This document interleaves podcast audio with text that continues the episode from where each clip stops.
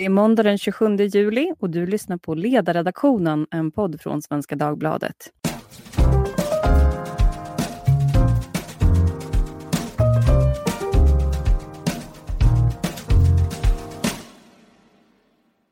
Jag heter Lydia Wåhlsten och idag så öppnar vi podden genom att lyssna lite på havets brus.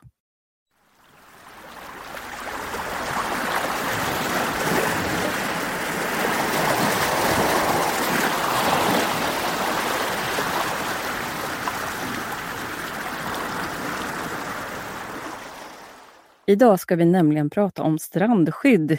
Ni vet den där regleringen som alltid sätter käppar i hjulet för att man ska kunna bygga hus nära havet. I dagarna så har både Expressens ledarsida och Göteborgs-Postens ledarsida skrivit om avarterna av den här regleringen. Och jag själv skrev på vår sida för ett tag sedan om hur ett pensionerat par fick vänta över tre år på att få svar på sin ansökan från Länsstyrelsen när de ville bygga en bastu på sin tomt. Och det var ju mycket märkligt att det kunde gå så långsamt. Och när jag ser någon med strandtomt, då tänker jag alltid på min mamma. Och hon brukade alltid säga den här frasen i Bibeln, att eh, den som har åt honom ska vara givet. För att det är ju så att priserna pressas upp på de här strandtomterna eftersom att det är väldigt svårt att få tag i dem. Men nu ska vi prata om hur den här regleringen fungerar egentligen. Och det är ju så att i januariavtalets punkt 24 så står det att strandskyddet ska förändras i grunden. Men det är många regeringar som har pratat om att göra om strandskyddet och frågan är vad som talar för att regeringen ska lyckas den här gången. Det ska vi prata om idag. Eh, vi har inte en helt fair and balanced panel får man väl erkänna eftersom att de som är inbjudna är kritiska till strandskyddet. Men jag kan garantera att den är 100% fair and relevant. Och med det så säger vi hej till Niklas Nordström, socialdemokrat som idag arbetar som konsult men har ett långt förflutet i politiken. Senast som kommunalråd och kommunstyrelsens ordförande i Luleå. Hej Niklas! Hej på er! Här har vi också Fredrik Bergman som är VD på organisationen Centrum för rättvisa som företräder enskildas rätt gentemot staten där strandskyddet är ständigt aktuellt. Hallå Fredrik! Hejsan hejsan! Och till sist har vi Marcus Nilsen som eh, jag blev presenterad för idag som den person i Liberalerna som är den största strandskyddsfienden. Det var väldigt fint. Du arbetar också på magasinet Access och har ett förflutet som kommunpolitiker. Hej Marcus! Hallå hallå! Innan vi drar igång så ska du Fredrik få börja och berätta för våra lyssnare, vad är strandskyddet för någonting? Jo, strandskyddet gäller enligt lag och innebär att det är byggnadsförbud 100 meter in till alla vattendrag, alltså alla stränder, sjöar och så vidare. Så har man en tomt som ligger vid vattnet, så 100 meter upp från marken så får, eller från vattnet så får man helt enkelt inte Eh, bygga som huvudregel. Och strandskyddet syftar då enligt lagen till att trygga den allemansrättsliga tillgången till marken så att man ska alltså inte kunna eh, bygga byggnader nära vattnet som gör att människor inte eh, som avskräcks från att eh, använda sin allemansrätt och beträda marken. Och reglerna syftar också till liksom att skydda eh, miljö och naturintressen. Just det. Och jag frågade på Twitter om någon hade en fråga om strandskyddet och en fråga var eh, vad som räknas som ett vattendrag. Ja, det där ställs på sin spets ibland. vad kan man säga, om man vill göra det enkelt kan man säga liksom att allt vatten, egentligen som inte är vattenpölar, eh, utlöser eh, strandskyddet.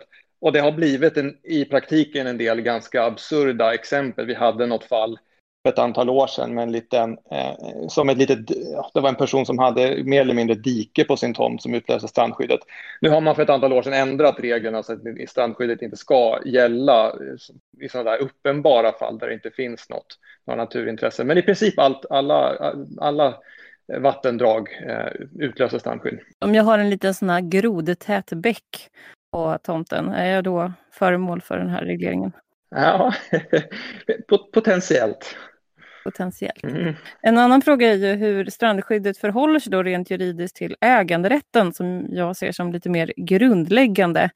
Eh, jag tror att det var Linda Nordlund på Expressen som skrev nu om ett par där Länsstyrelsen har ritat om tomtgränsen och plötsligt så har liksom tomten då blivit mycket mindre. Kan man göra så här och liksom hur, hur står de här mot varandra?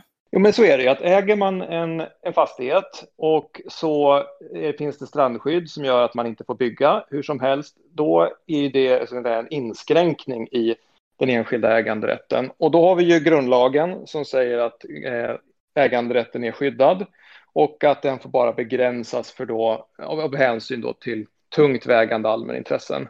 Och det kan ju såklart eh, miljö och eh, allemansrättshänsyn vara.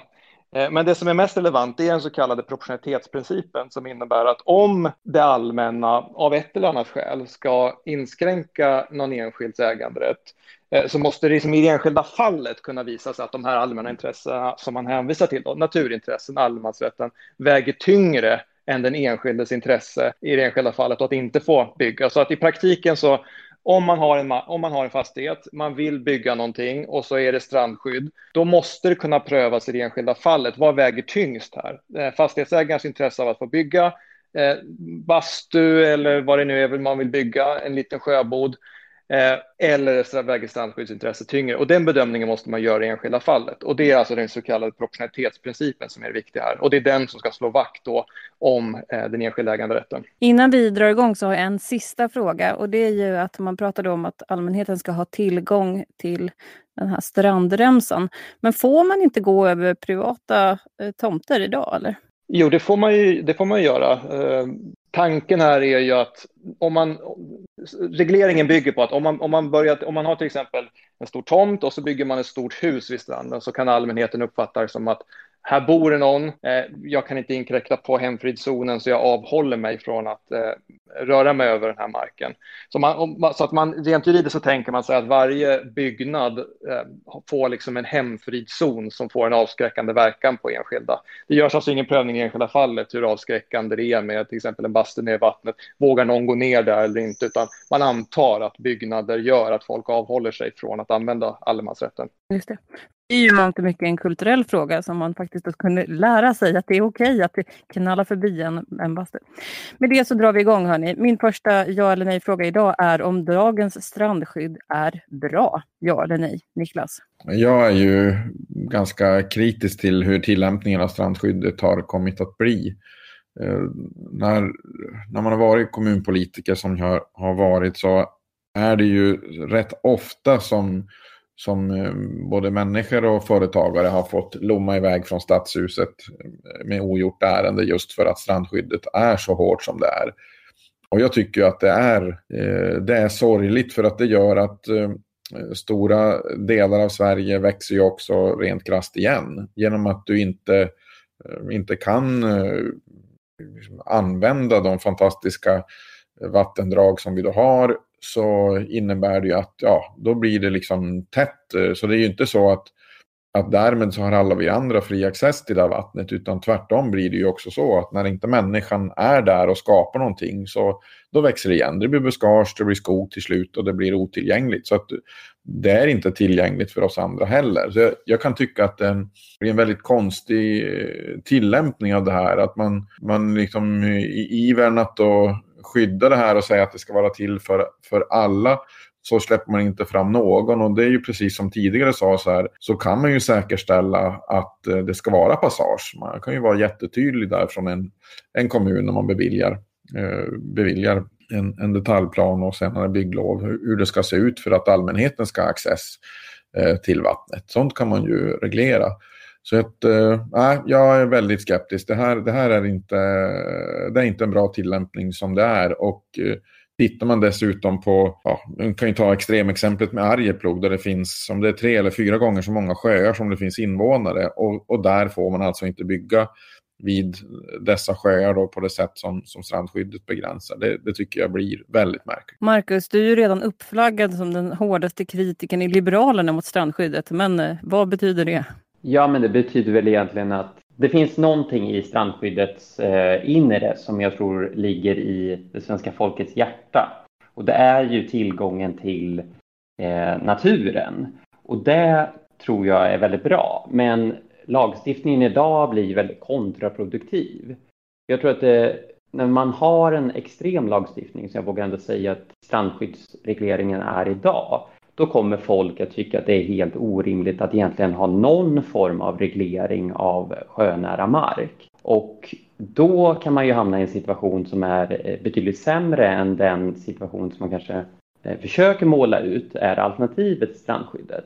Så jag tror att man verkligen, för den som gillar eh, att skydda miljön och, och strandnära områden, då blir den här typen av lagstiftning direkt kontraproduktiv. Eh, och jag tycker ju att, att den borde avskaffas och eh, mycket av det som fanns innan, det fanns ju regleringar även innan, eh, behöver man se över för det finns mycket som inte går ihop. Eh, vi får inte glömma heller att alltså, dagens lagstiftning handlar ju faktiskt inte bara om byggnationer utan det handlar om om att eh, hur du får klippa gräset ner till vattenbrynet eh, och, och liksom total idioti. Eh, och den typen av inskränkningar mot det privata har jag ju försökt stoppa när jag var kommunpolitiker. Jag tycker inte det är en kommun som ska säga hur och när man får klippa sin häck eller vad du får plantera etc. Och ja, Fredrik, vad tycker du då? Du har ju haft några av de här fallen uppe faktiskt på Centrum för rättvisa. Ja, nej men det är väl framförallt tillämpningen som är problematisk. Eh, den är inte tillräckligt rättssäker och den enskilda äganderätten skyddas inte tillräckligt effektivt. Och utifrån våra erfarenheter så kan man säga att det är framförallt tre problem ur rättssäkerhetsperspektiv. För det första så sker det i de här så kallade dispensärendena. Alltså att när det gäller strandskydd så kan man ansöka om att få dispens för att man till exempel vill bygga en sjöbod eller liknande. Eh, det är problem vid dispensprövningarna att det inte sker rejäla proportionalitetsbedömningar. Och det betyder att strandskyddet i praktiken alltid trumfar den enskilda äganderätten. Det är det första problemet. Det andra problemet är att den här dispensgivningen den sker ju på kommunal nivå med tillsyn av länsstyrelserna och den spretar väldigt mycket. Alltså att man, man ser på strandskyddet på olika sätt i olika delar av landet, vilket betyder att din äganderätt får olika innebörd beroende på var du bor. Eh, och för det tredje, det tar väldigt, väldigt lång tid i många fall att få besked om strandskydd. Och det här är också regionalt och här har vi sett de största problemen är i Stockholm. Här kan man få vänta i upp till tre år eh, i, i, i vissa fall eh, på ett besked om strandskyddsdispens. Och det är också oacceptabelt att till exempel äldre människor kan få vänta i åratal på att få veta om de ska få bygga en bastu på sin eh, fritidsfastighet eller inte. Så det där är de tre stora problemen som vi ser. Sen om man bara ska lyfta fram en liten ljusning är att det kom ett, ett antal vägledande domar från Mark och miljööverdomstolen för eh, inte alls länge sedan som faktiskt betonar den enskilda äganderätten och som säger att kommunerna och länsstyrelserna i större utsträckning måste göra rejäla proportionalitetsbedömningar. Eh, och vi får se vad de domarna får för effekt för tillämpningen. Mm.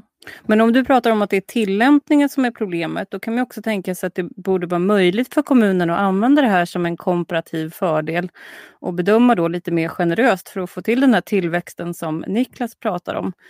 Eh, ser man någonting sånt eller? Jag kan inte uttala mig. Alltså, regelverket är ju, är ju, som Niklas säger, väldigt strikt. Men när man tittar på hur reglerna tillämpas så kan man ju se att de tillämpas väldigt olika och att vissa kommuner är mer generösa än andra kommuner. Och självklart så finns det alltid, som när det gäller juridik, ett, ett visst svängrum. Eh, sen så ser vi att länsstyrelserna, vissa länsstyrelser har, har också olika uppfattningar på strandskyddet. Vissa är väldigt strikta, eh, vilket betyder att om det meddelas eh, dispenser i, så, i byggnadsnämnderna, som är politiska, Eh, så upphävs de i väldigt stor utsträckning och i andra länsstyrelser så godtar man eh, dispenser i stor utsträckning. Mm. Vi ska prata lite grann om politiken och att det står i januariavtalet att man ska göra om strandskyddet. Men en sån här sak som jag faktiskt kan störa mig lite grann på är att man pratar väldigt mycket om landsbygden och hur viktigt det här är på landsbygden. Men ur rent ekonomiskt hänseende så måste ju välfärdsförlusten vara betydligt större då i de regioner som faktiskt växer det finns ju delar av landsbygden som också växer. Men eh, ja, det är en sån här snedfördelning som jag tycker att man borde adressera, i alla fall som borgerligt parti och inte bara prata då om att det är viktigt för landsbygden. Men Marcus, jag tänkte ju att du ska få spela den rollen att argumentera ändå för dagens strandskydd så att vi inte blir så enasidiga. Och eh, vad är det bästa argumentet då för att dagens reglering faktiskt fungerar? Jo, men de bästa reglering, eller det bästa i regleringen idag handlar väl egentligen om att ta hänsyn till eh, naturvärden som är väldigt behövliga och som vi behöver kanske då på något sätt eh, styra upp och reglera. Det finns ju till exempel häckningsplatser för fåglar. Det finns ju vatten som är livsavgörande för om man tar rennäringen i, i norra Sverige. Och det är ju såklart eh, naturområden som då i många fall är just i vattennära miljö och på något sätt behöver regleras. Eh, biologisk mångfald är ju inte direkt något hittepå och vår miljö behöver vi ju trots allt ta ett ansvar kring. Eh, och eh, när det handlar om djur och växt, eh, växt, eh, växtlighet så är det ju både i och på land kring vatten. För att strandskyddet går ju faktiskt inte bara på land utan strandskyddet går ju från då den fastställda Eh, vattenlinjen eh, och har samma avstånd ut i vattnet, vilket jag tror många faktiskt missar. Så i stort sett alla bryggor i Sverige är ju då olagliga. Eh, och jag tror inte heller att vi skulle vilja ha en totalt överexploaterad strandlinje där allemansrätten som jag tror faktiskt ligger svenskarna väldigt fast om hjärtat, att den inte skulle gå att liksom nyttja på samma sätt. Så det finns ju ett grundsyfte eh, i strandskyddet när det faktiskt kom till och det var inte då de här natur och djurvärdena utan det var för friluftslivet som strandskyddet kom till. Och de delarna är ju såklart absolut någonting man behöver ha med oavsett om man har strandskyddet som det är idag eller om man väljer att förändra strandskyddet så finns det ju fortfarande områden som man kanske behöver tänka till lite extra kring. Och det var väl så att det var Olof Palme som gjorde strandskyddet generellt och det var för att man såg en explosion då av, av fritidshus där på 70-talet. Men frågan är hur relevant det är det här med att det behöver begränsas. Det är ju många regeringar som har försökt att lätta upp strandskyddet. Jag såg en debattartikel av vår gamla miljöminister Andreas Carlgren som eh, skrev så här då att Sverige har 385 000 kilometer kust och strand. På 10 procent av den sträckan finns sjönära byggnader idag. Och den obebyggda kusten och stränderna i vårt land motsvarar 8,5 varv runt jorden. Och då tänker man ju på Fredrik Reinfeldt när han flög över Sverige och såg hur otroligt stort det här landet är. Och eh, detsamma gäller ju för vatten. Och frågan är om inte nästan varje svensk skulle kunna ha en liten, en liten plätt nära vattnet om de ville. Det har jag inte räknat på, men det verkar ju rimligt. Men hur som helst så verkar det ju väldigt svårt att förändra det här strandskyddet. Eh, man skulle ju göra det då, alliansregeringen. Sen kunde man konstatera i budgetproppen 2013 att mycket tyder på att förändringarna har lett till en skärpning av tillämpningen av strandskyddet i stora delar av landet. Och eh, ja, det verkar ju vara som att det är det här med länsstyrelserna som, som är käppen i hjulet. Är det så Niklas? Jo, det, det är väl ofta där det tar stopp. Och det där är ju också en, en sak som är eh, eh, liksom rätt illavarslande i, i det hela. Det är ju också som sades tidigare här, inte heller så att länsstyrelserna då är lika över hela Sverige utan det finns en tillämpning som varierar över landet och det gör ju att, att det blir också väldigt, eh, väldigt varierande i hur man då tillåter eller inte tillåter. Och jag, jag tycker ju att eh, man måste ha mycket mer tillit till den kommunala nivån som myndighet. För att kommunerna har ju de här avvägningarna att göra. Det är ju, det är ju där som, som alla de här intressekonflikterna ska vägas av. Eh, mellan olika medborgare och olika intressen. Friluftslivet som nämndes här tidigare och, och eh, kontra då människors möjligheter att få ett boende som ligger sjönära. Och det, det där, tycker jag, eh, där tycker jag är en, en del i problembilden. Att, att staten har en väldigt... Eh, alltså man, man, har, man har väldigt snävt betraktelsesätt väldigt många gånger i sådana här frågor. Det gäller inte bara strandskydd, det gäller väl en del andra frågor som rör detaljplaner och, och liknande ärenden. Att eh, det är liksom ingen, ingen del av staten som tar helhetsansvaret utan det landar alltid på kommunerna att försöka göra det och sen slås det där sönder av statens sektorintressen då som, som tar vid, Länsstyrelsen, Naturvårdsverket och olika domstolar som, som går in och sådär. Och eh, ingen har, har den här helheten, den tappas bort på vägen när kommunerna har lämnat ifrån sig det. Och det tycker jag är väldigt, det tycker jag är väldigt eh, svagt i den statliga myndighetsutövningen, att man fråntar sig och frånsäger sig det ansvaret att ta helheten, utan man tittar väldigt, väldigt enögt på olika frågor. Och det gäller ju inte minst tillämpningen av, av strandskyddet, för att det går på ett väldigt bra sätt att väga av de här olika intressena. Att det är självklart att du kan ha möjlighet att, att allmänheten ska kunna ha tillträde att passera längs en vattenlinje samtidigt som någon ska kunna bygga där. Och precis som jag sa förut, vad som händer nu är istället att eh, det, det, blir så att det växer igen. Och jag hade en väldigt märklig diskussion som höll på att spåra ur för ett eh, ärende i Luleå. Där som tidigare var en badplats och där den då hade stått obrukad ett antal år. Och så kom det in ett gäng entusiaster från den lokala bygden och skulle då eh, rusta upp och man skulle dra igång en campingverksamhet och skulle fixa badplatsen också. Eh, och då var det nära att det blev stopp där för att man ansåg att där har nog naturen tagit tillbaka den här badplatsen så då, då får, man inte, får man inte röra den utan då skulle det få vara så. Och, och den typen av tillämpning är ju, är ju så respektlös just för, för faktiskt om människans möjlighet och rätt att, att komma ut och kunna nyttja en sedan länge etablerad badplats. Och det är väl det där som gör att tilliten och respekten för just eh, ofta länsstyrelsernas tillämpning av av regelverket blir så låg. För människor upplever inte att det stämmer överens med hur det ser ut i verkligheten. Om vi fortsätter på det här spåret då, varför det inte har blivit någon förändring? För man upplever att det finns ändå en, en ganska stor kritik mot strandskyddet som det fungerar idag. Det är nästan ett sånt här kulturellt skämt då, att nej men här är det väl strandskydd. Um, vi hade författaren och den gamla statssekreteraren Irene Wennemo med i podden förra veckan om hur man åstadkommer politisk förändring. Men du som har lång politisk erfarenhet Niklas, hur förklarar du då att det inte har blivit någon förändring av strandskyddet? Det ju, har ju gått ganska många år när man ändå har belyst de här problemen. Vilka intressegrupper är det som sätter stopp eller vad är det som, vad är det som tjorvar? Jag upplever att det är det jag nämnde i förra inlägget, att, att statens myndighetsutövning har i ökad utsträckning blivit väldigt mycket snävare och sektorsorienterad. Eh, det, det, finns inte längre den här avvägningen av, av en hel, att göra en helhetsbedömning och ett allmänintresse, utan det blir väldigt strikt utifrån lagar och regelverk. Och det där har inte politiken orkat med att utmana på rätt många år nu, utan det där har snarare tillåtits växa.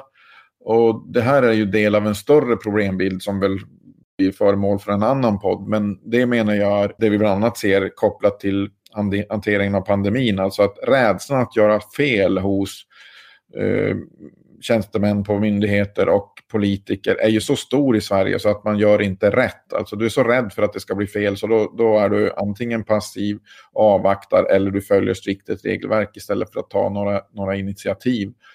Eh, och det här är ju en del i det som strandskyddet handlar om. Det är klart att det är mycket enklare att säga att nej, det här är regeln och så här är det, punkt slut, det blir inget bygge.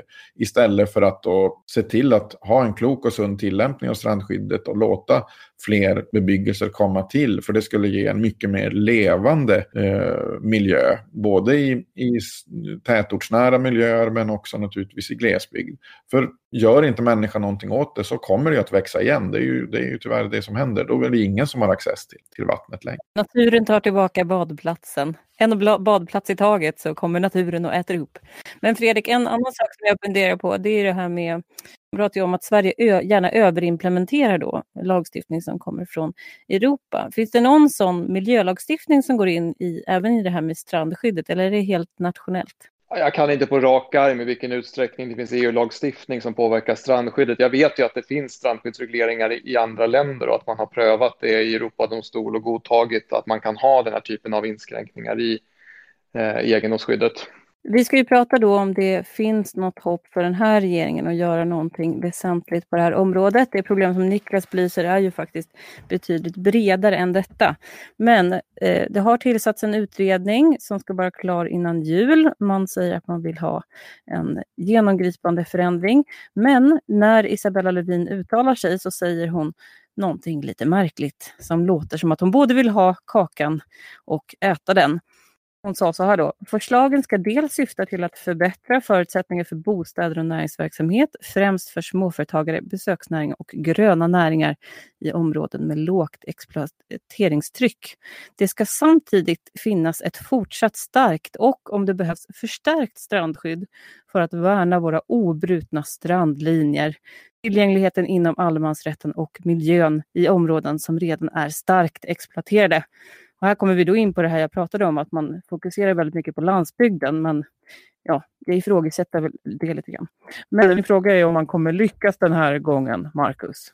Nej, men det kommer man absolut inte att göra. Det finns ju också det hon redan är inne på här, ministern, att idag finns det något som heter LIS-område som är en del när man har försökt luckra upp eh, hur man ska tolka eh, strandskyddet, alltså områden för landsbygdsutveckling i strandnära läge. Och det, har ju, det projektet har ju visat att det här inte går. Det går inte att säga ja men här ska vi öppna upp lite grann. Utan då är det ju länsstyrelserna som har gjort sig helt omöjliga. Att det går ju i stort sett inte att att inrätta den här typen av undantagsområden. Och jag tror att det är så det kommer hamna igen att eh, i byråkratins namn så kommer det inte att ges en enda millimeter om man inte från politikens sida är väldigt noga att faktiskt peka ut vad finns det för områden eller hänsynstaganden där man kan börja rucka. Eh, och det kommer inte politiken vilja göra för då kommer man alltid säga att ja, men det är inte så vi stiftar lag, det är inte så vi utreder. Men det hade ju till exempel varit rimligt att strandskyddet hade kunnat ge vika på i alla fall 10 meter. Idag är det ju, eh, du kan ju inte ge efter för en decimeter. Jag har ett eh, fall som jag var inblandad i för flera år sedan. Då gick vi med på att bevilja en inskränkning i, i, strand, i strandskyddet på 40 centimeter. Och där kom sen då Länsstyrelsen och sa, ja men så här får ni inte göra. Det här eh, måste vi riva upp. Och det, det är ju helt omöjligt från början. Det är därför liksom hela lagen behöver reformeras från grunden och det kommer vi aldrig att kunna få med Miljöpartiet eller för den delen Centerpartiet eh, om de är inblandade. För det är de som jag skulle säga är de stora problemen i att reformera strandskyddet. Niklas ska få svara också, men först eh, Fredrik, du såg ändå lite hopp med några vägledande domar. Nej, men jag tror det. det. det. som har hänt på senare år är att det har kommit ett antal vägledande domar, både från Högsta domstolen eh, för, för två år sedan som, som inskärper vikten av egendomsskyddet, att det måste göras proportionalitetsbedömningar i enskilda fallet, eh, men också domar från Mark och överdomstol som säger samma sak. Men det jag tror man ska titta på lite, lite extra, det är det som är Niklas inne på också, det är att man måste sätta ner foten i vem det är som ska bestämma om strandskyddet. För att själva systemet nu är ett ganska märkligt mischmasch med olika beslutsfattare. Först så är det kommun, kommunerna som ska fatta beslut om dispens. Och man ser alltså, det, det är viktigt att man på lokal nivå med lokalkännedom fattar beslut. Var behövs det strandskydd och var behövs det inte? Men lagstiftaren litar inte riktigt på kommunerna, så då har man sen över eh, kommunerna lagt länsstyrelserna som har möjlighet att överpröva kommunernas beslut. Och Eh, sen så om länsstyrelsens beslut kan, kan efter det överklagas till domstol, så ytterst blir det alltså domstol som fattar beslut. Så att vi kan alltså konstatera att för ett beslut om strandskydd så är det först ett kommunalt beslut och sen blir det länsstyrelsen, alltså regeringens förlängda arm ute i regionerna och sen är det domstolarna. Och det gör att liksom ansvaret för det här blir väldigt luddigt. Eh, och man kan väl rent allmänt säga att den myndighet som har nog har bäst förutsättning att avgöra behovet av strandskydd i enskilda fall, det är kommunerna. Eh, men att vi ser i praktiken så lägger sig Länsstyrelsen ofta i och ytterst blir det domstolarna som får bestämma. Och det här tror jag man behöver se över om man vill få ett bättre eh, strandskyddssystem. Niklas, går det inte att bygga en majoritet för att länsstyrelserna ska hålla tassarna borta från de här frågorna? Ja, den frågan har haft mig sömnlös många gånger som kommunalråd. Alltså hur i hela friden ska man få få bukt med detta. Och jag, jag, tror att det är, eh, det är den här större frågan som spökar. Alltså att vi, vi har haft en utveckling där, där eh, politiken har förlorat mark relativt eh, tjänstepersoners starka roll som, eh, som eh, ja, de är ju heltidsexperter i systemet. Och eh, man har inte, liksom, inte orkat ut, och vågat utmana det här ordentligt. För det, det är det som behöver göras. Vi måste du måste ändra, eh, du måste ändra så att det kommunerna säger ska väga tyngre och du måste också få det så att någon del av staten måste ta helhetsansvaret. För det, det gör man inte idag, utan idag slås kommunernas eh, ambition att ta helhetsansvar, det slås ofta sönder just när olika statliga myndigheter skjuter in från olika håll. Och eh, det som också är är ju att det är, en väldigt, det är väldigt olika tillämpning sett över Sverige. Så att jag tror att bygga den här majoriteten, det är, det är helt nödvändigt och det måste man göra i ett bredare samförstånd mellan partierna. Att verkligen bestämma sig för vilket, vilken sorts myndighetsutövning ska vi ha och eh, vad, vilken roll ska staten ha i det här systemet. Som det är nu så, så det kommer inte att hända någonting eh, som, det, som det är idag med det här strandskyddet, utan det är så här det ser ut och det är det vi får leva med. Nu arbetar ju du som konsult också. Om vi säger att jag är den allsmäktiga strandskyddsavvecklaren som kommer till dig och har obegränsat med pengar och så ger jag dem till dig och säger så här, hjälp mig. Nu måste vi få någonting att hända i den här frågan. Det är jätteviktigt för hela Sverige. Vad är det du skulle lägga in din PR-stöt? Jag skulle börja med att göra den här ordentliga inventeringen av vad som, vad som faktiskt är, är eh, det som sker ute lokalt runt om i Sverige. Och precis som du var inne på, ta både exempel från kommuner som har kraftig befolkningstillväxt där det blir stopp, men också kommuner som är landsbygd och glesbygd där, där en friare tillämpning av, av strandskyddet skulle möjliggöra att man kunde vara en attraktiv ort för inflyttning. Eh, skapa de exemplen och verkligen visa att det är det här Sverige går miste om. Eh, det, det är en sämre utveckling för vårt land genom att det blir stopp på så många håll när enskilda personer och företag vill göra saker och, och man inte får göra det. Eh, och med respekt självklart för att ingen vill ju bo i en sönderexploaterad miljö. Den, den frågan behöver vi som inte ens tycker jag diskutera. Det är inte så att kommunpolitiker och, och medborgare vill ha det så där man bor. Det, det, är inte det som kommer att hända utan man kommer att vara varsam om detta. Men mycket större makt och befogenheter lokalt. Det, det, och då är hävstången att visa alla de här exemplen som ju är verkliga, de finns ju. Ni har ju nämnt några här och de finns ju i tusentals runt om i vårt land. Precis, och det blir en fin avslutning. För Fredrik, jag tänkte nämligen att vi ska plocka ner det här till den individuella nivån eftersom att det ändå är sommartider. Du ska få berätta om det här pensionerade paret som ville bygga en bastu. Ja, ja men det gäller Rudolf och Raua Karlsson som på ålderns höst ville bygga eh, en bastu på sin Eh, sin lilla fritidsfastighet och det fanns tidigare då ett eh, förfallet båthus som man ville riva och ersätta dem med en bastu.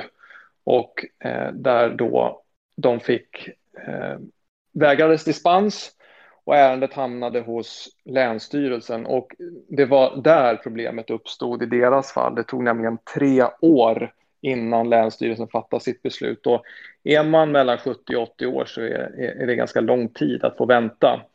Eh, och vad vi gjorde då på Centrum för rättvisa var att vi eh, ville peka på det här problemet med länsstyrelsernas långa handläggningstider. Vi har många andra i samma situation som Rudolf och Raua i Stockholm som fick vänta väldigt länge på besked om man får bygga på sin tomt. Så att vi stämde staten och begärde skadestånd för den här eh, långsamma handläggningen hos Länsstyrelsen. Och det gick staten med på att betala skadestånd. Så Rudolf och Raua fick 30 000 kronor som då plåster på såren för att de fick vänta under så här lång tid. Och Eh, det är nog fler som är drabbade eh, och eh, det är nog fler som kommer kunna få skadestånd för det här. Och det är bra för de enskilda som har drabbats. Sen är ju problemet fortfarande kvarstår såklart, men jag hoppas att det här kan sätta lite fart på politikerna att se över det här märkliga systemet och framförallt fundera över länsstyrelsernas roll. För som det ser ut idag så på många delar i Sverige så fungerar det inte riktigt. Det är väl en sån här konkret fråga, för de fick väl 30 000 va? efter tre år av väntan, vilket är ett extremt lågt belopp. Jag vet att det är låga belopp i Sverige, men frågan är om det har den här avskräckande effekten. Så att se över de, den typen av belopp kanske skulle vara något ja, e-, ersättningsnivåerna är låga i Sverige. Sen så är det, är det många som drabbas och kan summan av eh, alla belopp bli ganska höga i alla fall, så vi får väl se. Om man lyssnar på det här nu och känner att eh, det här är ju för jäkligt. Varför har vi det här strandskyddet? Det här måste det göras något åt. Vad ska man eh, göra då för någonting, Marcus?